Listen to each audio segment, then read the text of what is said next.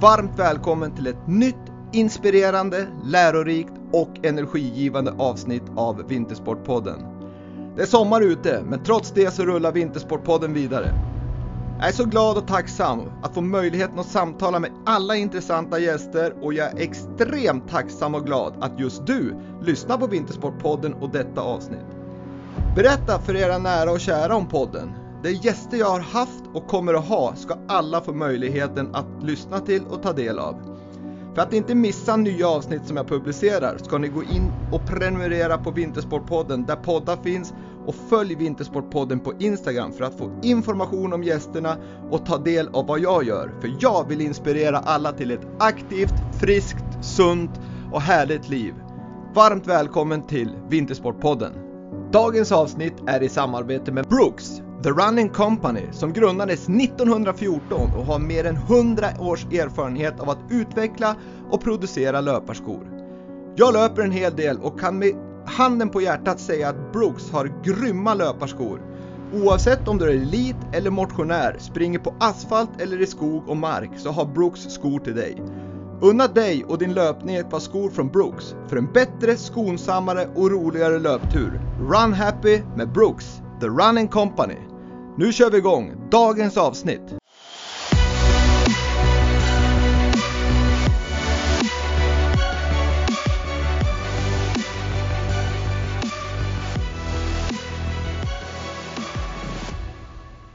Dagens gäst i Vintersportpodden, Sveriges stora framtidshopp inom backhoppning, som valt att bosätta sig i Norge för att få bästa möjliga förutsättningar för att lyckas och utvecklas. Varmt välkommen till Vintersportpodden, backhopperskan Frida Westman. Tack snälla! Jätteroligt att du är här och att du är första backhoppare i, i Vintersportpodden, vilket ska bli fantastiskt roligt för mig som inte är jätte, jätteinsatt i backhoppning och få ta del av ja, men dels din historia, din satsning, men också lite grann kring hur backhoppningen funkar. För vi har ju pratat en del alpint skidskytte, längd, hockey och sådär i Vintersportpodden. Men nu Frida ska du få berätta om backhoppning. Ja, men det känns jättekul och ära få vara med i den här podden. Ja, men kul att du tycker det.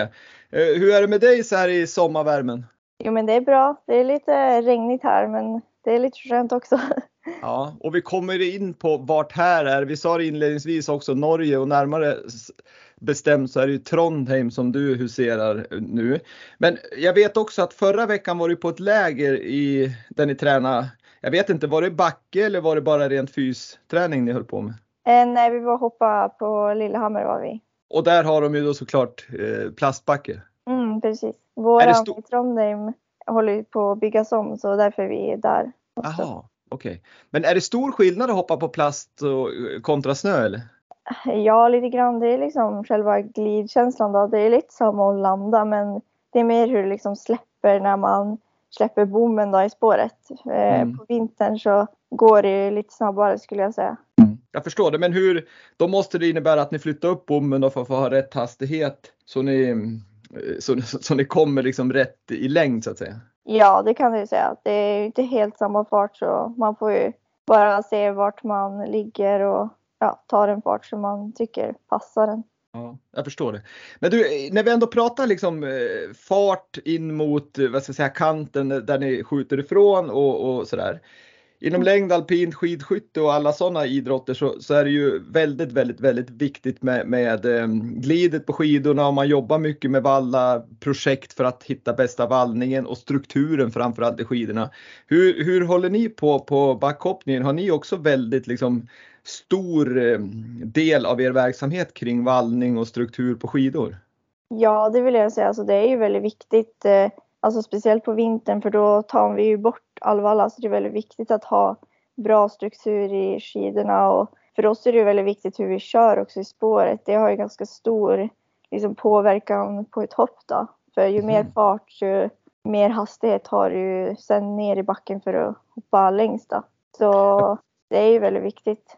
Jag förstår det, men, men där kommer ju som en okunnig person inom det här in som, som, förstår att man flyttar ju bommen lite grann utifrån hur det blåser och, och, så att man inte ska hoppa för långt också för att det är ju farligt om man landar där det blir platt.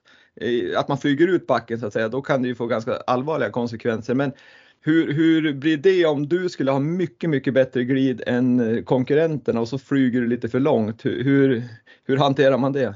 Alltså det är alltid en jury som sätter en fart som anser vart, liksom som är bäst och de kan ju också gå ner på farten i en tävling. Liksom. Det är inte så att det är en bom som är satt och så, så utan de går oftast ner. De vet oftast om de som är bättre eller de som hoppar längre så går de oftast ner på fart så det är oftast ingen fara och sen så händer det inte så ofta att någon hoppar liksom på platten liksom. Det ska ganska mycket till för det. Men, men hur blir det då om de flyttar ner för de som är lite bättre? Det innebär ju att de kommer hoppa kortare vilket gör att de, alltså det blir ju en... Nej, inte, de går, det funkar inte så. Nej, alltså de går ju oftast ner för att de kan hoppa längre. Mm. Så då hoppar de ju oftast längre och så får man ju poäng oftast. Eller man får poäng om man går ner på farten så får man pluspoäng på grund av att man hoppar från en lägre fart. Jaha, det kompenserar eventuell ja. Eh, längdförlust med poäng, poängvinst i, i, i, på andra sätt då? Mm, och sen så om du hoppar K då eh, och från en lägre fart så får du extra poäng för det också. Eller du får alltid, när du har släppt bommen så har du redan fått pluspoäng för att du kör från en lägre bom. Aha, okej. Okay. Ja, där har du förklarat en sak som inte jag visste och det var kul att jag fick lära mig och jag hoppas att lyssnarna också lär sig någonting av det. Det var bra Frida. Mm. Kort intro har vi kört där. Innan vi ska gå in på din bakgrund så ska jag bara berätta att i den här podden så kommer vi naturligtvis prata om Fridas bakgrund, Fridas, eh, ja men hur hon har växt upp och så vidare, men även hennes satsning då fram mot ja, men kommande mästerskap såsom eh, VM på hemmaplan 2027, OS 2026 och så andra kommande liksom viktiga tävlingar där. Det kommer vi naturligtvis prata om. Svensk backhoppning är en viktig sak och så sen hur tränar en backhoppare? Det, det tycker jag är intressant eftersom det är lite ett område som jag inte riktigt har koll på. Så det är lite kortfattat vad vi ska prata om. Men inledningsvis nu Frida så ska du få berätta. Vem är Frida Westman? Oj. ja, jag, eh, jag heter Frida. Jag kommer från Örnsköldsvik. Eh, bodde där tills jag var 18 och sen så flyttade jag till Trondheim där jag satsar för att bli bäst. Ja, vad ska jag berätta mer? Men du, gick du på, fanns det något, det finns ju hoppargymnasium i, i, i Övik, gick du på det där fram till du var 18 eller? Eh, nej, de la ner det när jag skulle starta. Så det var det som var grejen också. Jag gick okay. ju på musikestet i två år faktiskt. Mm. Och sen så, så, vad, hade du för inriktning på de instrumenten? Eh, det var sång och piano. Jaha. Är det och någonting sen, du utövar fortfarande? Nej, jag har liksom inte riktigt tid för det. Alltså jag saknar det för det liksom var ju ja, en slags hobby som jag hade då. Så jag tyckte ju mycket om det och så har jag ju liksom många vänner där också. Men, men, men, det tycker jag, ska jag ge dig ett tips där så, så ska du ju hålla det vid liv för det är någonting du kommer ha glädje av hela livet om du kan sjunga och spela piano. Och även ja. Eh, så tror jag att det är en, en, bra grej, du kanske får smuggla med dig någon liten keyboard på, på touren. Jag vet André Myhrer, eh, slalomåkaren, han hade ju med sig gitarren när han åkte runt och det, det tror jag att hjälpte honom lite grann att koppla ifrån ibland liksom ja. anspänningen. Ja men det tror jag på. Verkligen. Men du, där i, i Övik då som, som är hockeynästet liksom lite grann, i alla fall det har varit det, nu har det väl gått lite sämre på slutet. Men hur, hur växte du upp där då? Hade du några andra idrotter du höll på med eller var du redan som femåring tänkte jag säga backhoppning som gällde? Nej, jag spelade fotboll också och så testade jag på rytmisk gymnastik. Så mm. jag höll egentligen på med fotboll tills jag gick i sjuan. Eh, och sen så liksom båda sporterna börjar kräva mer och att man ska satsa och den biten och då så kände jag när jag gick i sjuan, åttan att, att jag ville satsa bara på backhoppning för att jag kände att jag var bättre på det och jag tyckte att det var liksom roligare och mer min grej då. Mm. Jag tänker liksom i Övik som jag sa där som, som de flesta liksom snackar hockey och det är liksom ett litet mm. hockeynäste. Och, och, men samtidigt så har de ju en väldigt liksom, jag passerar Övik med jämna mellanrum och, och back, hoppbacken där är ju verkligen liksom en, en del av stan och det är ju liksom, det är väldigt mäktigt när man ser den där hoppbacken. Hur, hur liksom, men jag ska också säga att det är ju väldigt, väldigt få utövare, speciellt när du växte upp. På 80-talet hade vi ju liksom en hel del namn som Boklöv och bröderna Tellberg från Bollnäs och så vidare som, som utövar backhoppning på väldigt, väldigt hög nivå och bäst i världen till och med. Men mm. vad var det som fick dig liksom att börja med backhoppning? Liksom, för det kryllar ju inte av folk som hoppar backhoppning. Nej, äh, min pappa har ju hoppat. Så okay. vi var ju i, i backen för att min syster höll också på. Så jag var ju liksom med och sånt och så var jag till och med med på när hon var och tävlade i Falun och sånt men då var jag väl lite less på att stå på sidan så då liksom sa jag att jag hade lust att testa och så satte de mig i spåret och så ja, så höll jag, fortsatte jag. Och, och där tänker jag mig, det är lite lättare att börja med fotboll, hockey, slalom, längd eller vad det nu än är. Mm. Det är liksom, det, det, är ju inte så där superstora konsekvenser om man tänker så. Det är liksom, man kan testa sig fram och så händer det inte så mycket. Men backhoppning är ju ändå liksom, du släpper någon ut för det där i spåret och så sen flyger du iväg och när du väl lättar där så, sen förstår jag att en stegring där. När man är sex år så börjar man ju väldigt, väldigt snällt. Men det är ju dock en liten kant som man kanske lättar lite på. Hur, hur liksom, har du någon gång funderat, fasiken det här kan få stora konsekvenser för mitt liv eller min hälsa? Alltså jag vill inte säga att, eh, back, att börja med backhoppning är farligt eller farligare än någon annan sport för att när du väl ändå kommer upp på elitnivå så är det lika farligt att köra slalom och sånt där enligt mig då. Mm. Eh, och hoppet är liksom lika högt som om du skulle hoppa i liksom, den minsta är ju liksom, du lyfter ju knappt eller lättar från backen. Mm. Så jag vill ju säga att det är många som tror att det är liksom farligt men det är ju inte det. Nej. Men, men hur var det liksom första gången du ändå gick upp i en, om man säger en backe där där inte liksom kanten och underbacken går ihop utan man, man tänker en 70 meters backe så är det ju ändå där flyger du för kort där så landar du ju som ganska oskönt, typ som den här Eddie the Eagle gjorde på, på 80-talet där han landade lite för kort och det blev ju en väldigt, väldigt fara för, för hans liksom hälsa. Hur, hur liksom, var du väl förberedd så att du kände att det här har jag liksom det här är inga problem för mig eller var du väldigt, väldigt nervös första gången du klev upp i en sån här större backe? Eh, alltså, när man går upp till större så vet ju, så har man ju kommit överens med tränaren att den vet ju att man är kapabel till att hoppa där så att man tänker inte att man är rädd för hälsan och jag tror inte det är farligt. Det är inte farligt för hälsan att landa kort. Det är kanske att det är lite obekvämt bara men jag var väl mest nervös för hur det skulle kännas liksom.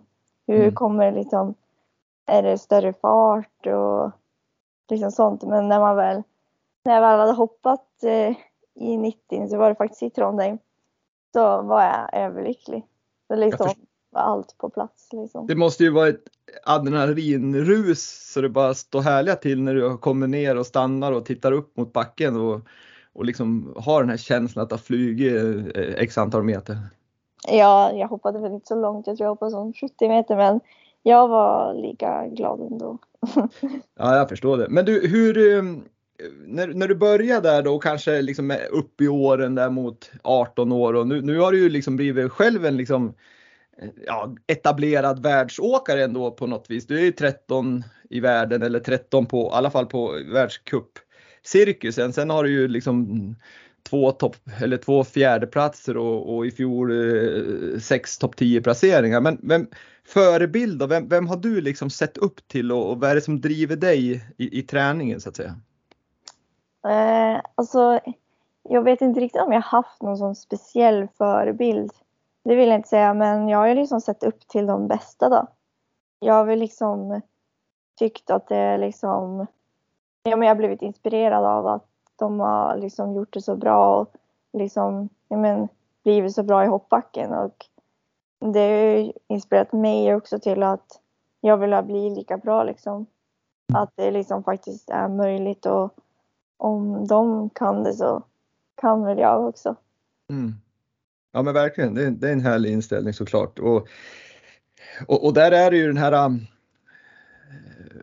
ordspråket att, att bli, bli, ännu bättre än dem så får du ju som försöka hitta en egen väg också så att, så att du inte gör exakt lika som dem för då är ju risken att du blir bara lika bra som dem. Din målsättning Frida är väl att bli ännu bättre såklart?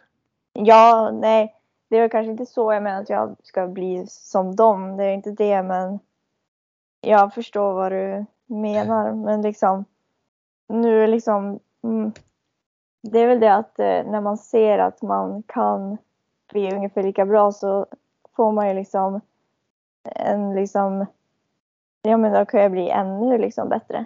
Mm. Att man liksom bevisar för sig själv då. För att eh, det var kanske inte förrän jag liksom lyckades och fick ta någonting att jag liksom förstod att nej men, jag kan faktiskt bli bäst. Mm. Nej, kul, härligt. Hörru du, eh, för, för, oss som tittar på backhoppning på TV så, så, ser vi att backen är 90 meter ofta, eller den stora backen och sen har du ju ännu större skidflygningsbackar och så har du en 70 meters backe som är lite mindre. Men, men backarna som sådan, för, för mig som tittar på TV och inte insatt på liksom till 100 då är ju en backe en backe liksom. Men nu är det för er som håller på på elitnivå, har du en favoritbacke där du känner att här här kan jag liksom eh, hoppa långt och på den här backen där har jag problem att hoppa långt av olika anledningar. Eller är alla lika för dig Frida? Nej, jag vill inte säga att någon backe är sig lik. Det är klart att de har eh, samma liksom, de är byggt på lite samma sätt då, för de nyare backarna är byggd på liksom ett nyare sätt då, som kallas kubis parabel det är lite svårt att förstå. Som Men är det, är det vinklarna och underbacken som är annorlunda? Ja, det är liksom hur radien är då. Okej. Okay. den okay. som man åker i. Mm, Men jag alltså, jag vill säga att när du hoppar bra så är de flesta backarna roliga. Mm. Det är väl lite så att hvis du hoppar bra och får till den backen så tycker jag att det är kul. Men det är klart att jag har ibland fått till det i någon backe men jag tyckt att det liksom är den roligaste. Men jag skulle säga att en av de backarna som jag tyckte var väldigt kul i vinter var en i Villingen. Och det är ju en av de största backarna innan skiflygningen. Det var 150 meter. Ja, det är läckert alltså. Det är mycket coolt. Men, men eh, apropå då att man flyger långt och sådär. Vad, vad, vad anser du vara den största risken när, när ni hoppar? Är det att få rotation på grund av vind eller vad, vad, vad, är det liksom om du skulle säga till oss som tittar på dig i vinter, vad, vad är största risken med backhoppning? Alltså, det är många som har gjort illa knän och sånt på grund av att de landar dåligt och sånt. Så det är väl knär och, och typ anklar och lite sånt. Just landningen att det och om man inte är liksom nog koncentrerad eller lite slapp och sånt så kan det liksom komma något tryck och så åker man åt sidan. Men det är inte så ofta att folk liksom snurrar runt. Det kan vara att folk, och då är det oftast inte vinden som gör att de liksom snurrar runt den utan då är det de själva som kanske kastar ut skidorna så att de får fel tryck och så hamnar man och sånt. Så det är oftast alltså den som hoppar sin, som mm. styr det. Då. Jag förstår, jag förstår det ska vara med oss när vi tittar i vinter. Ja. men, men, eh, när du var 18 år då, då, bestämde du i alla fall att nu måste jag göra någonting för att ta nästa steg och, och utvecklas som, som backhoppare. Mm. Då flyttade du till Trondheim där sporten i Norge, alltså backhoppning i Norge är ju väldigt, väldigt stor och, och, för att inte tala om att det är stort i Tyskland och Japan, det vet vi ju liksom. Och, och det är ju en väldigt global sport så. Det är ju Sverige som, som det är väldigt litet men mm. tittar man på de här tävlingarna där runt nyår i Tyskland så är det ju proppfullt med folk och det är ju en väldig folkfest liksom. Men när du valde att flytta till Trondheim, vad, vad liksom, jag förstår att det var för utveckling, men, men hur gick tankarna då och, och vad, vad liksom, hur kom du på att just flytta dit? Hade du något samarbete med någon där?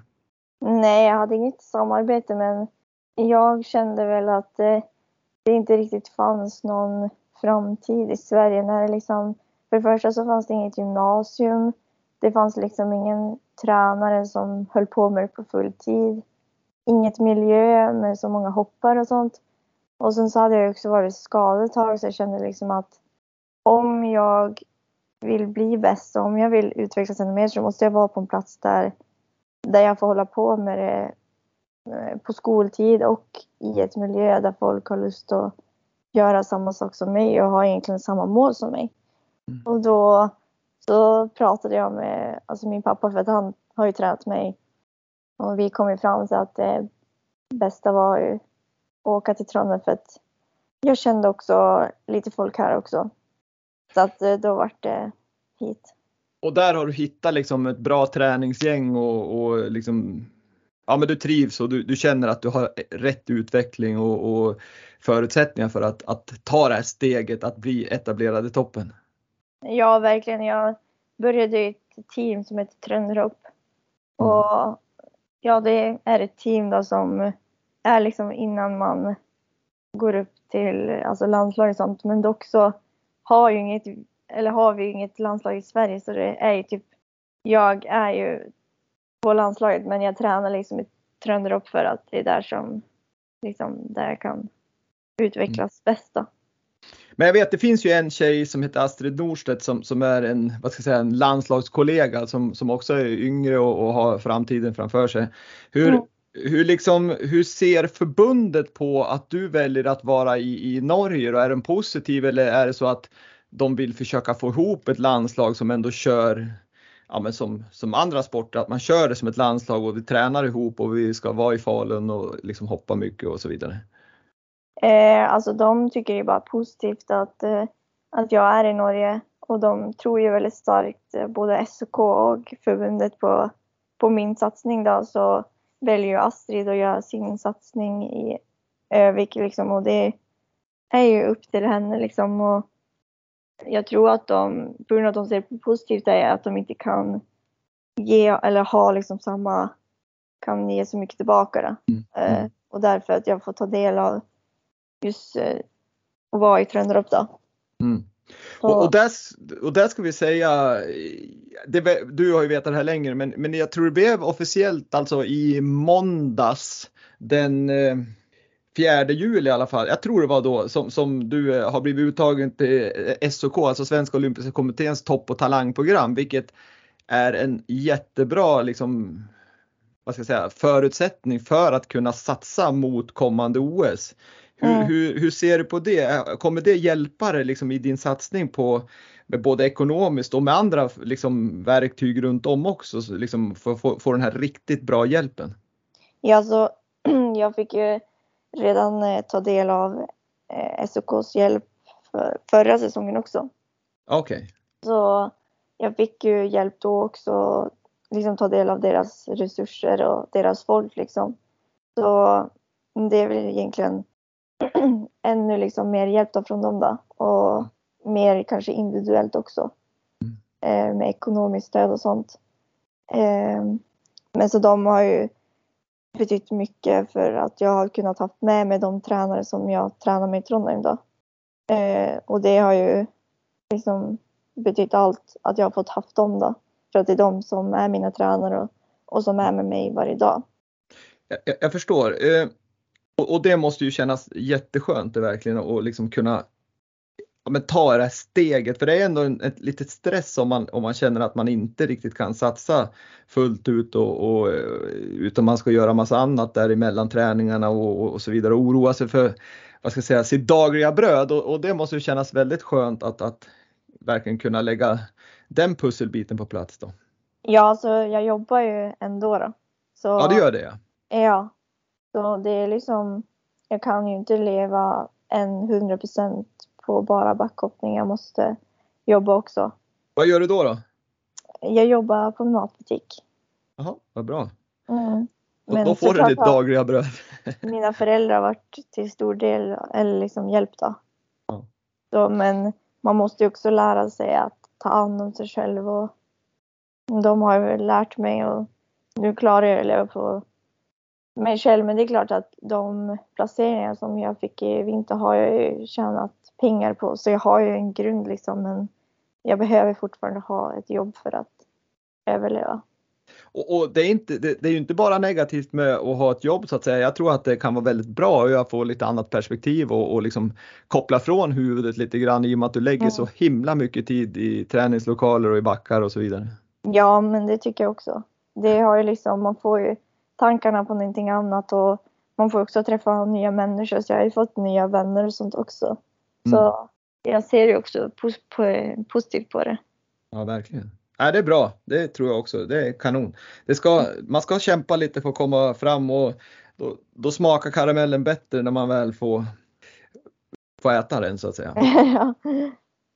Men du, svensk backhoppning, det var ju som jag sa inledningsvis här väldigt liksom framgångsrikt på 80-talet med, med Boklöv då som, som dessutom kom, kom på V-stilen och, och liksom från början var helt eh, neddömd från domare och, och de tyckte det såg för jävligt ut och, Mm. och, och nu är det ju det, bara det som gäller och det liksom har ju varit helt banbrytande. Och sen hade vi ju fler också. Jag sa Tellbergbröderna från Bollnäs och, och, och många fler som Mm. var liksom framgångsrik. Men sen, sen hände det någonting. Det kändes som att backhoppning dog ut i Sverige och det fanns liksom inga utövare och så vidare. Va, vad är din syn på det? Du kanske inte har tänkt i de tankarna eftersom du inte levde på 80-talet, men, men har du någon idé om varför det har varit liksom ett så stort hål inom svensk backhoppning?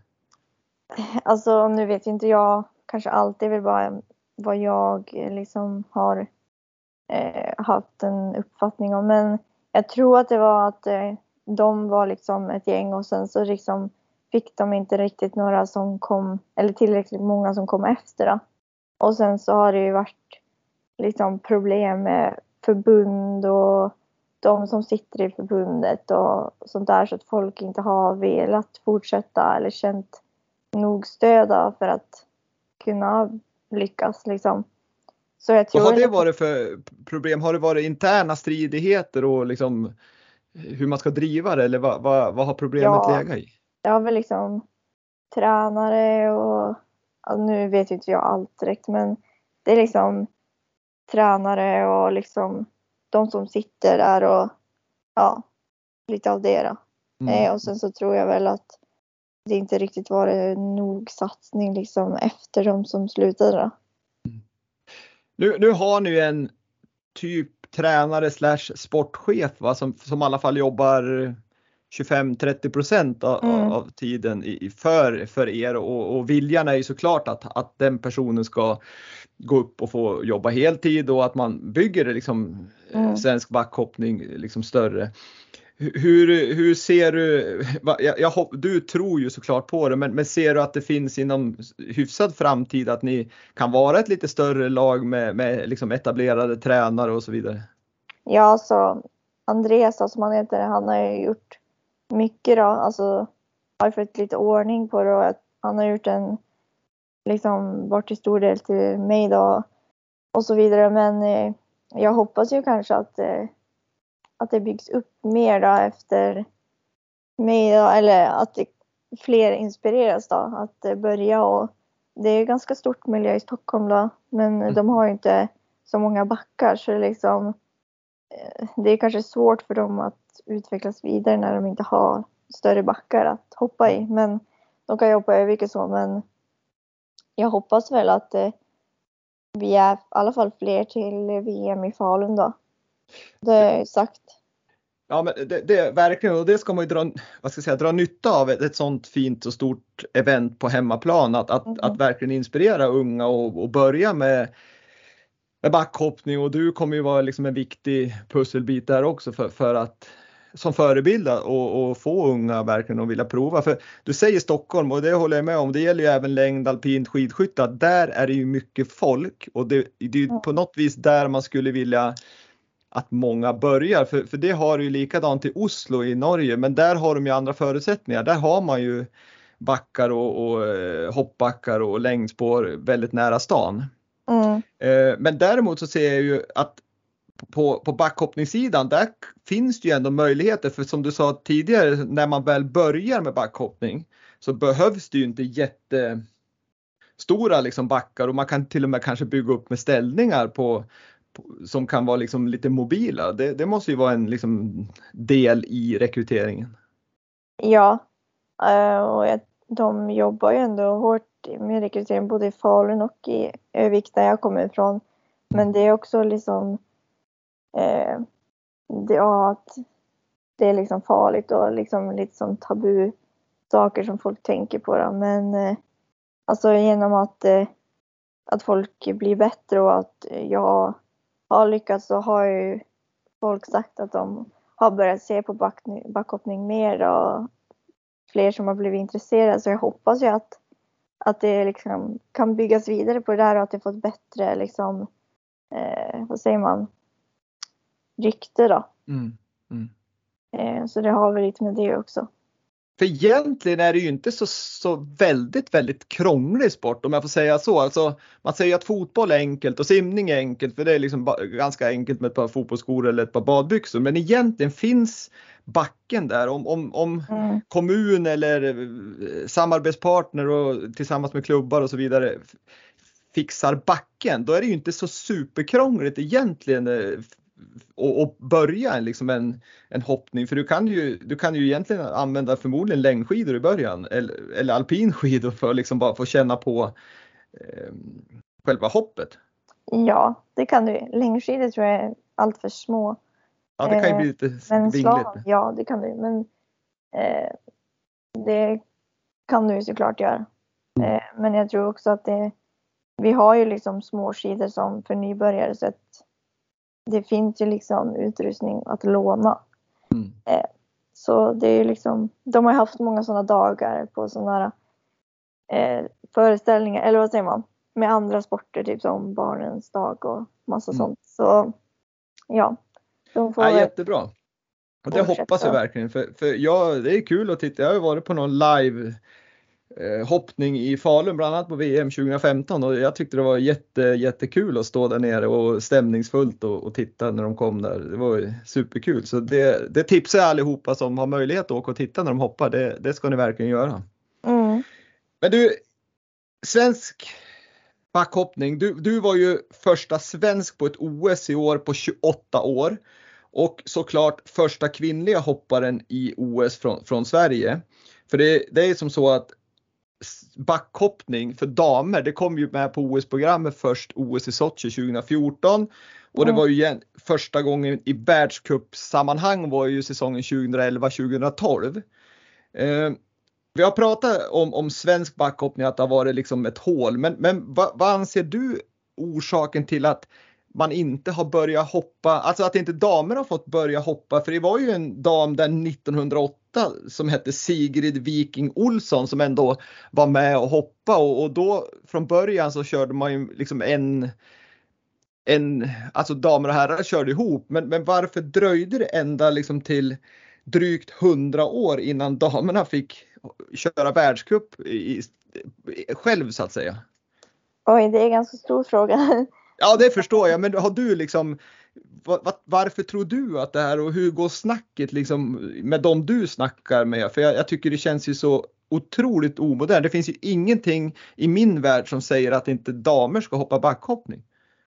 Ja, det är väl så vi tänker också, men det har väl lite med hur det var förr då, att kvinnorna höll kanske inte på med sport och det var männen som arbetade och så jag tror det har liksom med den saken att göra. Eh, och sen så liksom om det väl var en kvinna som försökte så såg man väl mycket ner på det och så. Så jag tror att det har lite med det att göra. Och sen så har det varit mycket män, äldre män som är ganska konservativa som har suttit och bestämt och haft väldigt svårt för att låta kvinnor få vara med och delta.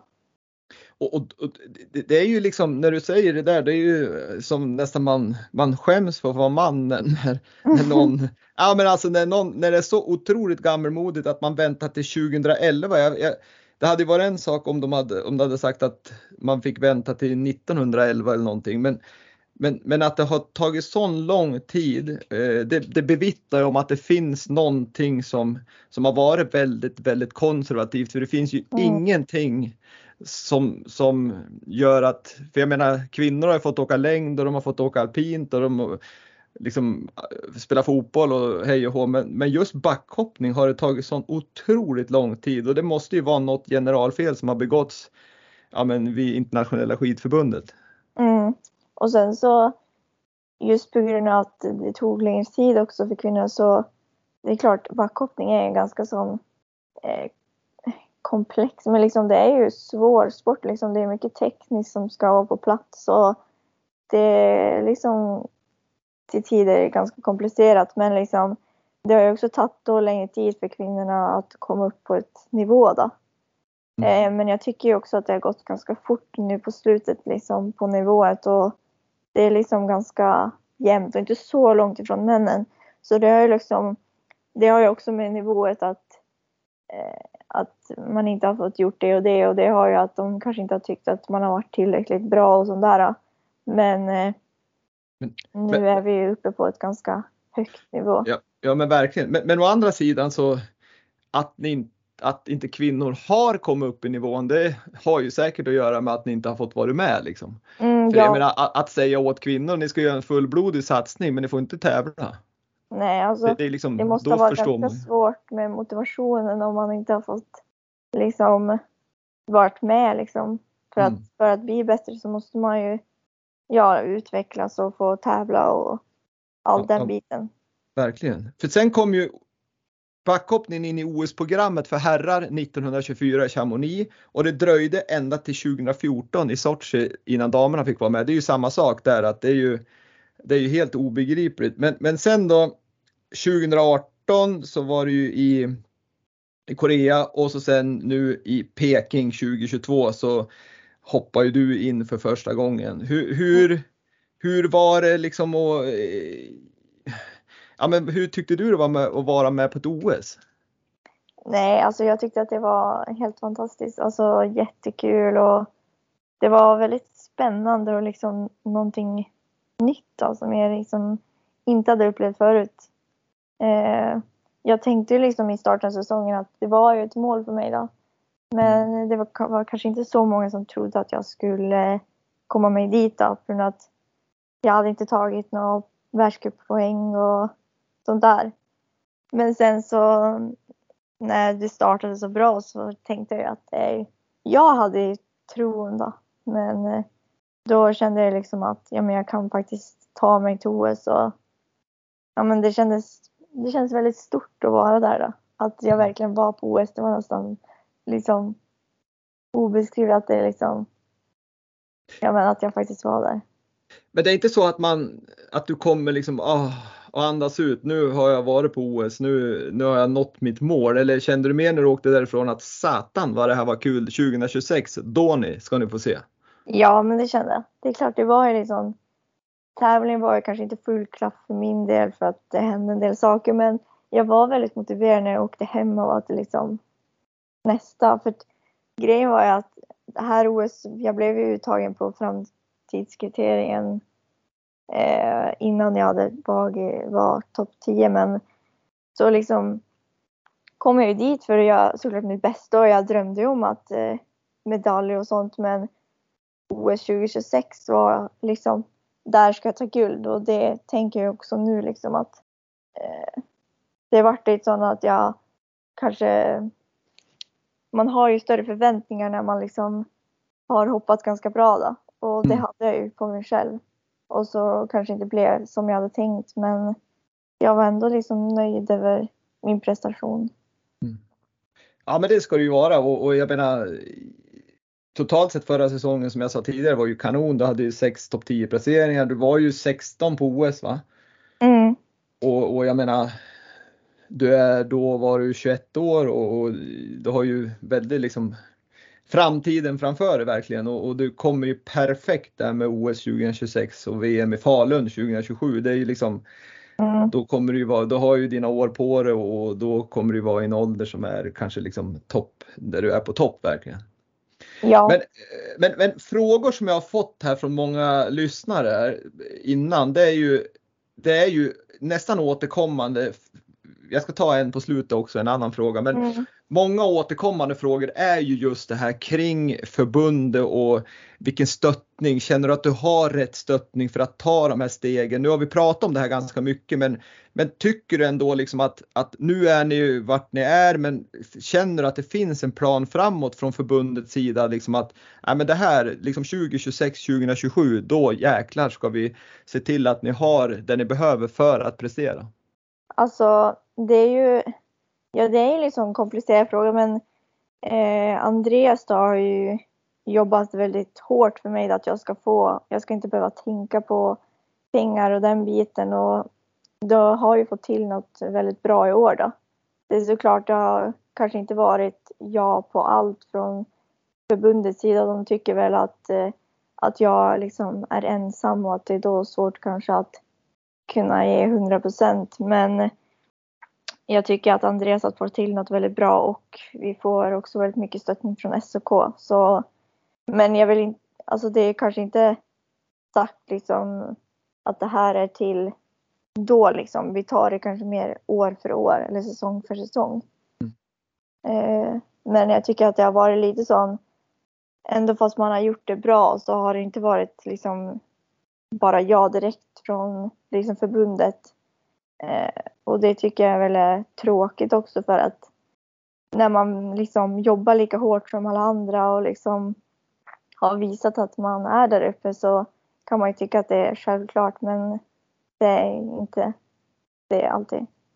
Ett, ett tips från mig, en hemlig som ingen, vi säger inte till någon, det, det är ju att VM i Falun 2027, de är ju, skulle jag säga, väldigt, väldigt inte beroende, men det är viktigt att, att de har något hemmahopp även på, på backhoppningssidan. Så där tycker jag också ska försöka få lite stöttning från VM-bolaget för där, där är ju mm. du en viktig pusselbit för att liksom, ja, men dra folk till, till eventet och, och liksom få en helhet så att det inte bara är längdåkning som, som, som drar utan det är viktigt mm. att få dit publiken till backen också. Så där ska du vända dig till dem och, men det, det håller du och jag för oss själv här.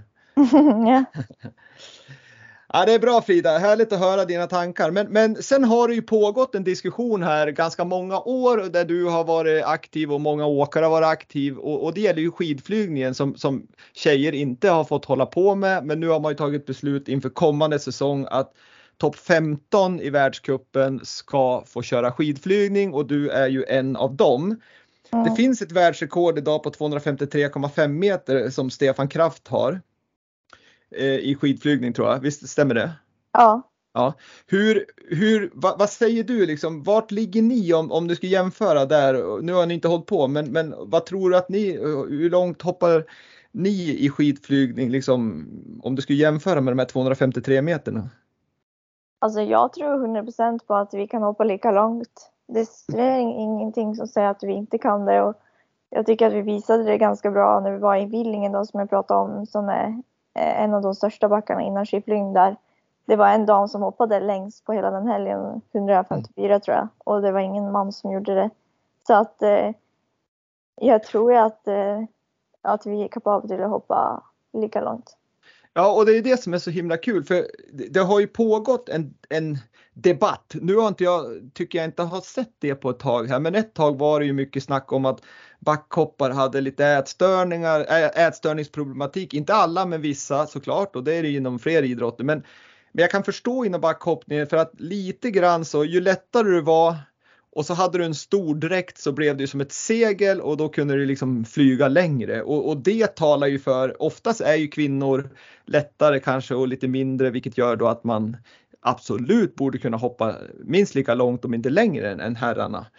Eh, men hur, hur, hur går snacket kring det här med ätstörningar nu? För jag vet att man har reglerat dräkterna så att man liksom ska komma ifrån att du utgår ifrån din, hur stor du är så att du liksom spelar ingen roll om du blir smalare så får du en mindre dräkt helt enkelt. Eh, så det har väl hjälpt till i den här debatten och i, att förebygga eh, ätstörningsproblematiken. Men hur ser du på, på den här, är det en problem idag eller har man kommit ifrån det? Eh, alltså, jag vill kanske inte säga att det är lika stort problem idag och vi har ju det här BMI-reglerna. Alltså att man måste ha en väga en viss eh, mängd för att ha ett, eh, en längd på skidorna. Då. Så det är mm. väl det som vi har regler på. Sen så har vi också väldigt mycket regler på egentligen allt, alltså dräkt och det kommer ju nya regler egentligen varje år. Så, men alltså det är klart att eh, det är en sport där man ska vara liten och, och så men eh, jag vill inte säga att, det är liksom, att alla har direkt ätstörningar och Nej, och det ska vi säga att, att det absolut inte var så jag menar att alla har det, men det har funnits en problematik hos vissa ja. i alla fall och det är fler idrotter som har. Det och är samhälle. såklart många, alltså vi är ju smala och men jag vill säga att det är liksom på ett sunt sätt då. Det är klart att om du är lättare så gör saker enklare men du måste fortfarande ha energi och vara stark för att liksom vinna en tävling och orka all, en hel säsong. Mm. Så jag tror att det är på ett mycket smartare sätt nu då. Det finns faktiskt regler och om du är för lätt så blir du diskad. Mm. Eh, Och det testar man typ varje tävling eller hur funkar det? Mm, Nej, det gör man inte, men man blir ju uttagen på regel. De Det liksom, är typ som en dopingtest ungefär. Ja, det är liksom efter att hoppa så blir du antingen intagen på kontroll eller inte. Mm. De kan liksom, och det är inte alltid att du blir testad på vikt då. De kollar oftast dräkten eller något sånt. Eh, så mm, det är liksom, Tycker ni att det här är positivt liksom håller på? För, för mig låter det som liksom bra sätt ändå att liksom förebygga det här. Men hur, hur ser ni på det? Är, det? är det positivt eller tycker alla att det är skit att man ska låta er vara? Eller? eh, alltså jag tycker att det är bra att det finns regler och det här med BMI och sånt. Men det har ju blivit alltså massa andra regler på massa annat. På speciellt dräkter då, alltså storlek och eh, man har ju alltså mått som man måste gå efter som man tar innan som, som man, alltså utan dräkt som man tar då. Och de måtten måste man ha liksom på dräkten och det gör det ju ganska liksom komplicerat i tider om man inte har liksom, eh, liksom alla resurser runt att man måste ändra på någonting eller något sånt. Men Ja, för då kan det hända att du måste sy in dräkten om det skulle vara så liksom. Eller? ja, precis. Men Mm. min tränare han kan ju sy eller han syr mina dräkter. Så han har Vilken ju- supertränare. Ja. så han gör ju det liksom mesta. Ja. Eh, Så det är ju bra då. Men, Ja, men, men eh, generellt sett så är det ju ändå en det är positivt om man kan hitta vägar framåt som gör, gör sporten eh, liksom sund och att alla mår bra. Liksom. Det är ju en, mm, en viktig del. Men, Ja. men jag tänker liksom när vi ändå är inne på det här med träning. Du sa att man måste ju orka träna. Det går ju liksom inte att ha eh, ätstörningar och så ska man tro att man orkar en hel säsong och man ska träna och så vidare. Men hur tränar en, en backhoppare? Om vi pratar fysen nu. Vad, vad är det liksom? Vad, vad liksom de två viktig, viktigaste egenskaperna hos en backhoppare? Vad, vad, är det, vad är det för någonting? ja, alltså det är väl såklart att vara stark eh, och eh, ha bra teknik. Vi tränar mycket alltså styrka och då är det mycket som ganska tungt på reps och så är det mycket hopp bara.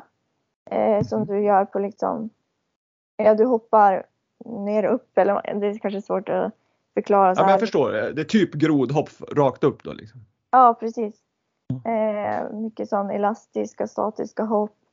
Ettbens knäböj, det är liksom marklyft. Alltså det är liksom ganska vanlig styrketräning men det är väldigt sån specifikt då till backhoppning. Och då är det lite grann, kör ni med, eh, kör ni med typ någon sele också kan jag tänka mig, där ni står på, på en platta och trycker ifrån liksom för att få likna uthoppet eller?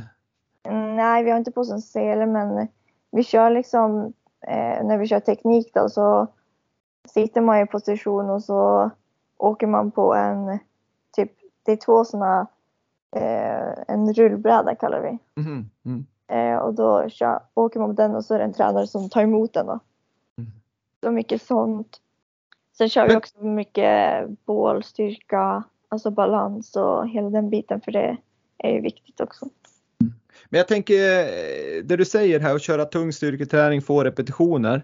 Det borde ju också bygga på en hel del liksom, liksom volym i, i ben och ja, i och med att du kör mycket ben. Vilket då gör att ni borde få liksom en sammansättning som gör att, att det vi pratade om tidigare talar emot eh, att ni ska liksom hålla er i, i hyfsad vikt så att säga. Mm, nej, det blir det inte. Det är om, du bygger ju när du kör alltså många reps och tungt. Ja i och för sig. När vi kör korta så får vi den där explosiva träningen som vi är ute efter. Du Mm. ska vara, inte ha så stora muskler men du ska vara stark och väldigt explosiv och ha spänst liksom. Så det, eh, så det blir egentligen, det är klart att man kanske är tyngre på sommaren för att det är ännu mer träning som man inte hinner med på vintern. Så det är klart att du är kanske lite tyngre på, på sommaren än på vintern men eh, jag skulle inte säga att det gör inte oss större på det sättet. Men, men eh, och sen styrketräning är en viktig bit. Eh, hur, hur mycket kondition kör ni? Eh, alltså lite grann. Det är kanske inte det först, liksom största fokuset men jag kör i alla fall en till två gånger i veckan för att liksom ha helhet och liksom orka och hela den biten. Mm. Och kunna restera bra. Det är mer för att liksom ha uthållighet att orka träna och eh, mm. orka hela säsongen så att säga. Det är väl det ja. ni är ute efter. Men, men eh, och så sen då, då, då kan ni ju kombinera viktigt, alltså under barmarksträning om man säger fysträning så ni har ju fördelen också att ni kan hela tiden varva in hoppning i, på plastbacke så att ni håller liksom hoppningen varm där så att säga hela året. Men, men det är styrketräning som är tung men, men även då en viss del, om man säger teknikträning på, på den här brädan för, mm. för, liksom, för det uthoppet. Men hur under off-season då så att säga från april till eh, oktober, slutet av oktober, november. Hur, mm. hur mycket skulle du säga att ni hoppar i plastbacke då? Är det varje vecka eller kör ni bara stötvis? Alltså nu när vi inte har, vi har ju bara en backe lite utanför Trondheim som vi hoppar i Eh, så vi kan inte hoppa lika mycket på grund av att våran backe håller på att byggas om till VM 25. Mm. Men eh, så nu har vi liksom samlingar eh, liksom då och då. Men mm. annars så hoppar vi varje vecka. Ja, ni gör det? Ja, två gånger i veckan. Så att då blir det, men, men sen när, när det är säsong då är det som alla andra idrotter, typ att ni hoppar varje dag eller? Mm, nej, det gör vi inte. Jag skulle säga att det blir nästan mindre på vintern. Eh, I alla fall den här säsongen som jag hade så hoppade jag nästan mindre på grund av att vi hade ingen backe. Och sen så var man ute och tävlade. Så mm. det är liksom inte kanske lika enkelt som att ta på sig ett par skidor och ta sig en tur.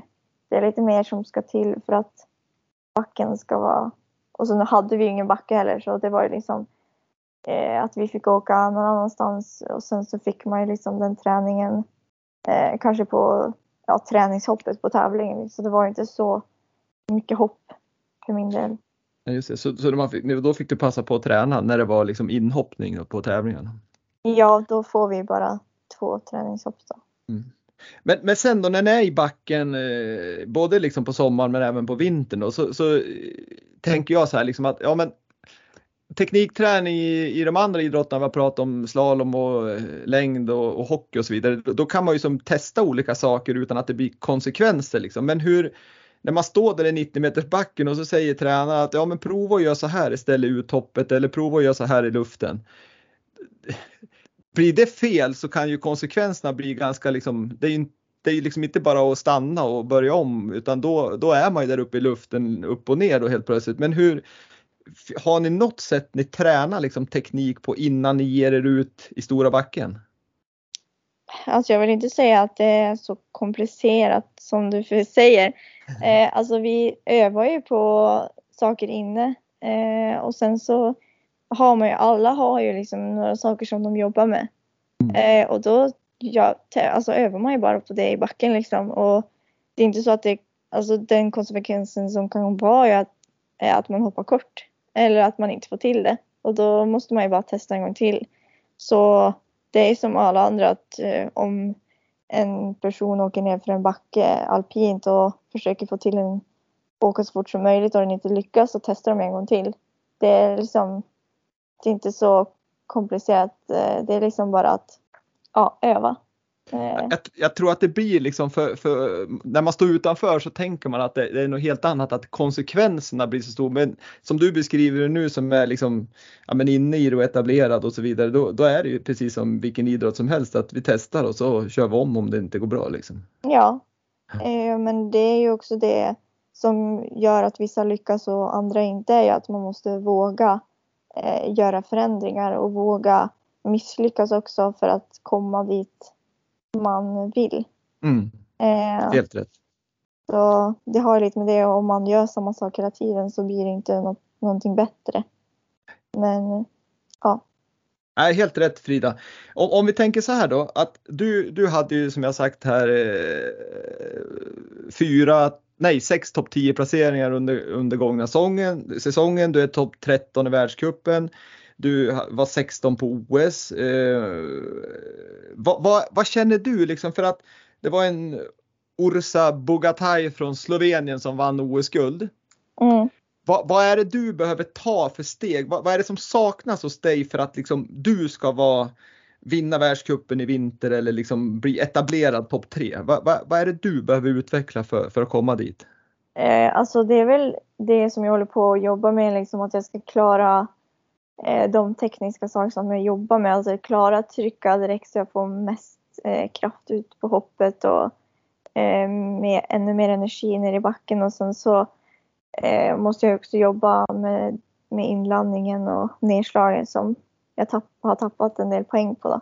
Så det är väl egentligen fortsätta utvecklas tekniskt och jobba med det liksom flygning och nedslag då. Mm.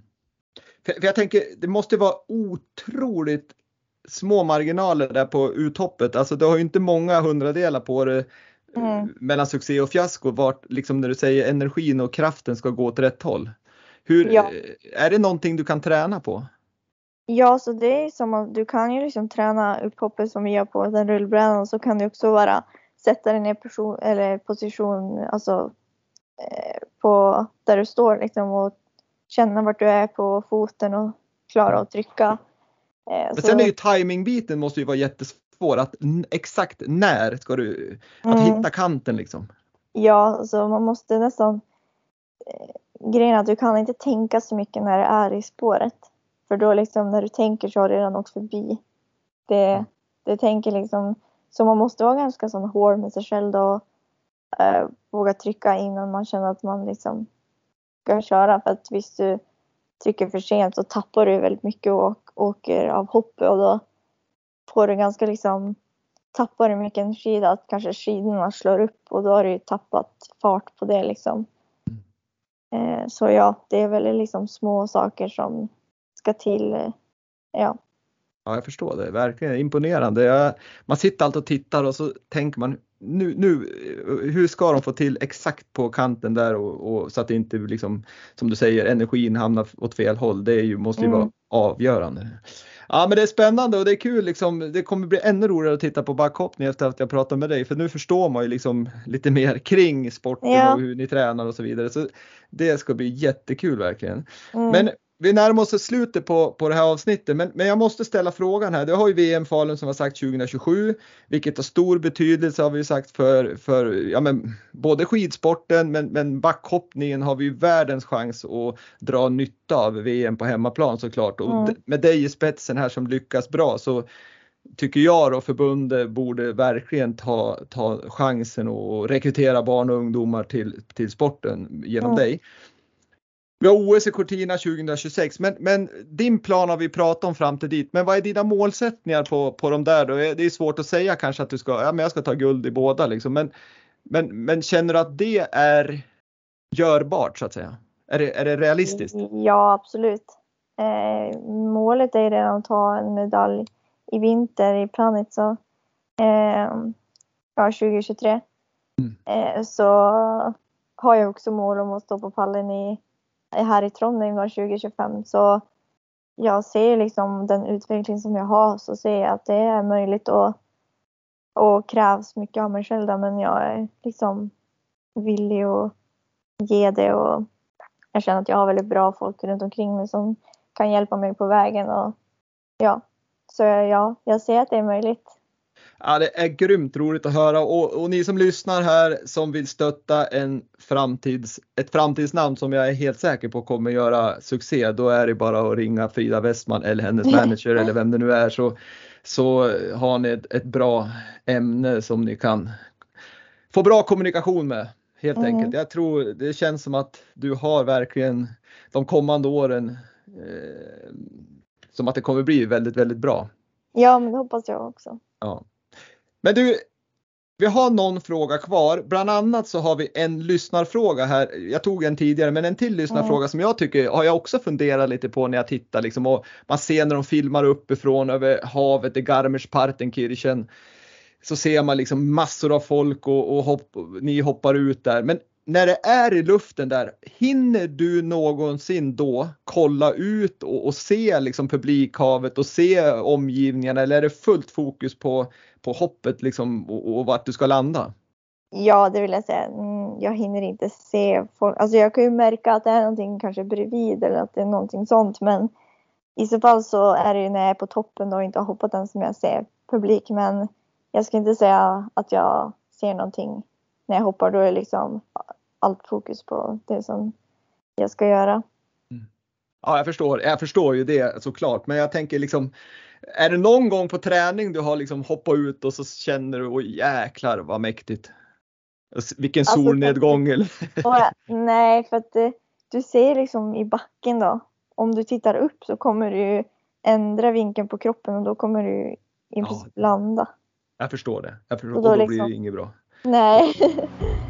Nej. Jag förstår det Frida. Det, det, det är dumma frågor av, av en person som kanske eller lyssnarfrågan var inte dum, men jag, mina följdfrågor här kan ju vara liksom att man tänker att åh vilken chans att titta på härlig omgivning. Men jag förstår ju också att, att ändrar man positionen så blir det tok.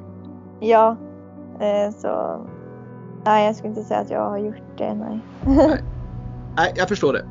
Hörru du, en sista fråga som jag ställer till allihopa som är med i Vintersportpodden och du är avsnitt 92 och jag ställer Mm. samma fråga till dig som jag gjort tidigare.